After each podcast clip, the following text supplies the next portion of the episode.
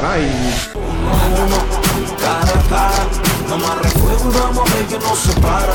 Cara a cara, frente a frente otra vez. Buenas Hola, creo que si os dijera que vamos a hablar en este cara a cara de, por ejemplo, elección del sexo de las abejas o de las funciones más desconocidas de las células madre, eh, a la mayoría igual se os hacía así como cuesta arriba seguir escuchándonos. El problema, pues que a la mayoría eh, nos resulta un esfuerzo entender de, de ingeniería, de biotecnología, pero tranquilos, que vamos a ver que es posible hablar de disciplinas eh, científicas de una forma eh, amena e incluso con dosis de humor. Andrea Muras eh, Mora, nuestra invitada de este cara a cara. Bienvenida, lo primero de todo. Muchas gracias. Hemos invitado a Andrea porque además de pontevedresa es eh, bióloga. He visto que tienes un máster en biotecnología Ajá. y el motivo es su participación en el Fame, Fame Lab. FameLab, el Claro. concurso de monólogos científicos. Eh, pues ella lo acaba de decir. Concurso, monólogos y ciencia. Antes, antes de hablar de este, de este concurso, he leído que, que te decantaste por estudiar biología porque eh, querías saber cómo por- y por qué se producen las enfermedades y, y poder ayudar a curarlas. Me parece muy interesante entender cómo funcionan las enfermedades para poder diseñar eh, tratamientos o, o medicamentos. Porque a mí la medicina no, o sea, la respeto, me parece muy bien, pero a mí no me gustaría trabajar con pacientes, me parece que es una responsabilidad enorme. Ajá. Entonces a mí me gustaría como el paso previo. Entonces, claro, tú para poder curar una enfermedad tienes que entenderla, comprenderla, saber eh, entenderla, como las personas, vamos, algo, algo parecido. Ajá, sí, sí. Y, y eso lo hiciste en Santiago, donde además eh, sigues eh, formándote, ¿no? Eh, he visto. Sí, que estoy terminando la tesis ahora mismo. Ajá. Eh, y formas parte de un grupo de, de estudio sobre, sobre bacterias. Cuéntame esto, que me he perdido yo Sí, por ahí em, cuchicando. eh, yo ahora mismo estoy haciendo mi tesis en el grupo de acuicultura y biotecnología de la Universidad de Santiago de Compostela y en este grupo eh, tenemos como dos líneas de investigación. Por un lado está una línea que es sobre microalgas, que es muy chula, la verdad, y va sobre la biotecnología de las microalgas, cómo se pueden utilizar en la industria, de alimentos, cosmética y un montón de Ajá. cosas. Y luego está en la parte que trabajo yo, que es sobre bacterias y cómo se comunican. Ajá. Bacterias y cómo se comunican, ¿eh? No, no os olvidéis de eso. Eh, como había publicado Pontevedra Viva, resulta que mm, quedaste seleccionada para participar en este Fame Lab, que, que te voy a pedir que nos expliques eh, qué, qué es, porque no es una cosa que venga ni de hace uno, ni de dos, ni de tres años. Esto ya tiene su trayectoria y trascendencia, además, no solo en España. Pues sí, a ver, el FameLab es un concurso de monólogos científicos que en España se hace desde el 2013. ujú. El primer ganador es Eduardo Saiz de Cabezón, que actualmente es presentador de un programa que se llama Órbita Laica, que emiten todos los lunes a las 10 en la 2. Y que, si no me equivoco, es de La Rioja. Sí, es profesor de matemáticas. Luego te cuento la historia. Eh, se realiza también en 30 países de América, de África, de Asia y de Europa. Esto significa que mm, hay una final internacional. Exactamente. Aquí en España tenemos la semifinal, luego hacemos la final y el ganador de la final se reúne con el resto de ganadores del resto de Fame Labs del mundo. Ajá. ¿Qué requisitos son necesarios para participar? Pues para participar en Fame Lab lo que se hace falta es trabajar en ciencia o estudiar ciencia, que puede ser cualquiera de las dos cosas, y atreverte a presentar un monólogo de hasta tres minutos. Ajá. Lo importante es atreverte. Y, y en tu caso, eh, ¿te, te atreviste o te empujaron a atreverte? Yo, de hecho, eh, quise presentarme el año pasado, pero no me atreví. Ajá. Y este año dije, este año me tengo que atrever, me da igual cómo sea el monólogo, pero hay que presentarse. Ajá. Y ahí estás, acabas de venir el pasado 7 de abril de Sevilla, de la semifinal. Creo que este año se presentaban 70 y algo personas. 77 creo que fuimos. Y fuisteis a la semifinal, espera que tengo aquí la chuleta un poco alejada. Fuisteis a la semi eh, 12 personas. 12. Perfecto. Seis chicos y seis chicas. Y cuéntanos, ¿qué, qué contaste tú en tu monólogo? ¿De qué hablabas? Bueno, pues eh, a mí, yo lo que intento convencer a la gente es de que las bacterias molan. Porque normalmente la gente piensa que las bacterias son como simples, aburridas, como que no hacen cosas interesantes. Y yo estoy intentando convencer a la gente de que es mentira. Tengo un perfil en redes sociales que se llama Ciencia Miuda, entonces cuento cosas que a mí me parecen que son asombrosas, que las bacterias son capaces de hacer cuando se comunican. Porque las bacterias no se comportan igual cuando están ellas solas que cuando están en grupo, como muchas Como las personas. personas. Entonces yo intento que la gente entienda que las bacterias hacen cosas muy, muy chulas. No te voy a pedir que nos reproduzcas aquí los tres minutos, pero ¿te atreverías a hacernos así como una especie de ejemplo de lo que estás contando en ese concurso? Pues lo que yo quería contar con el primer monólogo, que es el de la semifinal de Sevilla, es que llevamos toda la vida pensando que el azúcar causa las caries. Siempre, no comas chucherías, que el azúcar te va a pudrir los dientes. Y resulta que esto es mentira. Y es que el azúcar por sí mismo no causa las caries.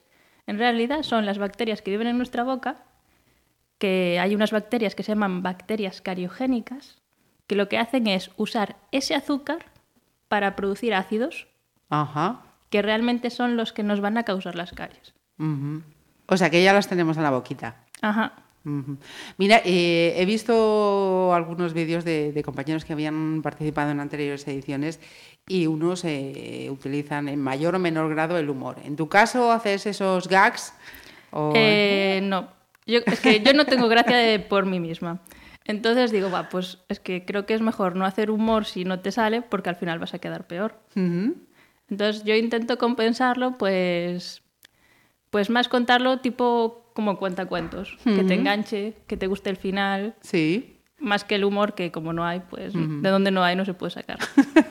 Mira, yo, yo veía, te decía antes de, de comenzar a grabar esta charla que había estado viendo eso, algunos vídeos y resulta que el que yo te decía que, pues a mí me gustó el chico que el año pasado se quedó en segundo lugar, que me decías, pues mira, es de Ferrol, es gallego. Ujú. Y me hacía gracia porque además eso, metía esos guiños, esos gags, y es tal cual como si estuviéramos, pues eso, ante un monólogo con elevadas dosis de, de humor y entretenidísimo además. Sí, es que Ignacio Crespo es muy, muy bueno, es, es muy buen divulgador. O sea, o sea, sabe lo que se hace. Ujú. Eh, mira, eh, el público que, que asiste eh, es abierto, es cerrado a personas vinculadas a la ciencia, como No, para nada. La semifinal, de hecho, el FECIT, o sea, el FameLab está organizado tanto por el FECIT, que es la Fundación Española para la Ciencia y la Tecnología, el British Council, y también eh, colabora la Obra Social de la Caixa. Entonces, eh, la semifinal se hizo en uno de los edificios, en un Caixa Forum de la Caixa, y cualquiera podía comprar las entradas por un mínimo precio de 5 euros. Una maravillosa noche de dos horas, de donde puedes aprender ciencia y además pasártelo bien. Ajá. Eh, ¿Y qué tal la respuesta? La gente... Yo creo que al principio la gente estaba un poco fría porque yo creo que al- como era algo de ciencia, igual pensaban que era algo más académico, más serio, tal. Pero una vez eh, salió nuestro maravilloso presentador Manuel González, que la verdad es que fue maravilloso como presentador, que también fue ex FameLab. Ajá. Eh, la verdad es que nos calentó el público y a partir de ahí ya fue todo, Todo rodado. rodado. Ajá. Eh, resulta que mm, yo le preguntaba, eh, Andrea, ¿y, y qué pasó? ¿Fue bien? Pues sí, fue bien. También que Fue muy bien. estás en la final, ¿no? Pues sí. Cuéntanos, ¿cuándo va a ser? ¿Dónde va a ser? Pues la, la final de FameLab va a ser el 14 de mayo, martes, en Madrid. Ujú. ¿Y, y vas con el mismo monólogo o se cambia? ¿Cómo no, es? hay que cambiarlo. Tenemos hasta el día 22 para pensar un monólogo nuevo. Estamos un poco estresados. Eso significa que si te pregunto de cuál es, todavía no se sabe. no, esto, o sea, Ajá. estamos trabajando en ello. Y, mm, y una presencia real que me has dicho, ¿cómo, ¿cómo se lleva? ¿Eso impone? Dices, no, mejor no pensarlo. Sí, No, mejor no. O sea, ahora lo importante es sacar el monólogo, que es lo que nos tiene a todos un poco estresados, Ajá. Y luego pasarlo bien. Porque va a estar, van a estar eh, los reyes en, en principio, ¿no? Por lo menos la, La reina, reina va siempre. Ujú, perfecto. Eh, estamos, estás hablando en primera persona del plural. ¿Cuántas personas y quiénes sois los que estáis preparando ese texto? Es que la verdad, eh, bueno, yo en redes sociales ya sabía lo que era Lab y siempre decían, ah, los compañeros, lo mejor, no sé qué. Y decía, ah, menuda patochada, esto seguro que es todo pa- propagandístico para que la gente se anime. Y no. La verdad es que es impresionante cómo con tan pocas horas estando juntos ya somos Ujú. somos súper amigos, hablamos todos los días, eh, hoy me pasó esto, hoy me pasó lo otro, entonces... O sea, ya somos como una piña. Por eso digo, estamos preparando el- eh, los monólogos, no sé qué. Ajá. Eh, ¿En Santiago te están echando una mano? ¿Qué te han dicho con esto? ¿Cómo está la historia? Bueno, eh, un poco de todo. ¿Y en casa, aquí por Pontevedra? Aún, es que desde que estoy metida en lo de FabeLab no, no, no vine a Pontevedra, entonces aún no sé cómo está, cómo el está la cosa. ¿no? Sí, sí, sí. Porque además de estar allí presente durante la gala, ¿hay posibilidad de seguirlo en tiempo real o esto hay que verlo luego como... Eh, no, eh, por ejemplo, en la semifinal eh, o sea, se podía asistir, estaban las entradas abiertas al público o también se emitía en streaming. Ajá. Así que supongo que si la si semifinal la emitieron, pues la final también. Atentos entonces, 14 de mayo, eh, a través de la página del Fame Lab, supongo, ¿no? Se podrá... Eh, no, la emite eh, a través de YouTube el FECIT. Creo que es a través de. YouTube y a través del- del Facebook. Perfecto, perfecto. Habéis tomado, habéis tomado nota. Eh, ¿Te ves en el Reino Unido en el mes de junio? Pues la verdad es que no. ¿No? No ando con muchas cosas como... Mm. Además el inglés hay que llevarlo bien. No... O sea, claro, que el, el hándicap es que una vez que si llegáis a, a esa eh, prueba eh, europea, entonces ya sois todos en, en inglés. En inglés, pit inglés, sí. Bueno, igual hay que hacer un poco el esfuerzo, ¿no, Andrea? Y, Bueno, se y intentará, se intentará. Eh, en conclusión, con, con esto que estamos diciendo, eh, que es posible eh, divulgar ciencia de forma amena, de forma que todos lo entendamos y que hay que perderle ese miedo, ¿no? Pues sí, la verdad es que sí. O sea, si, si se puede contar de una forma fácil, puedes entender cualquier cosa.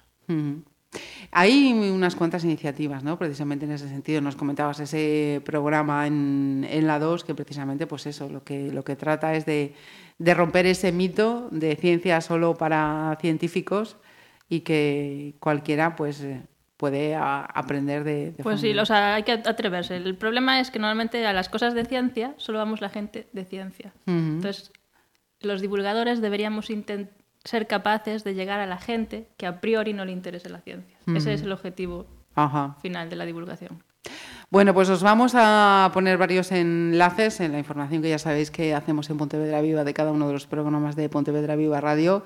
Andrea, yo te agradezco que nos hayas hecho el huequito, hayas venido, nos hayas atendido y estaremos pendientes a ver qué pasa el día 14. Muchas gracias. cara, nos volvemos a ver.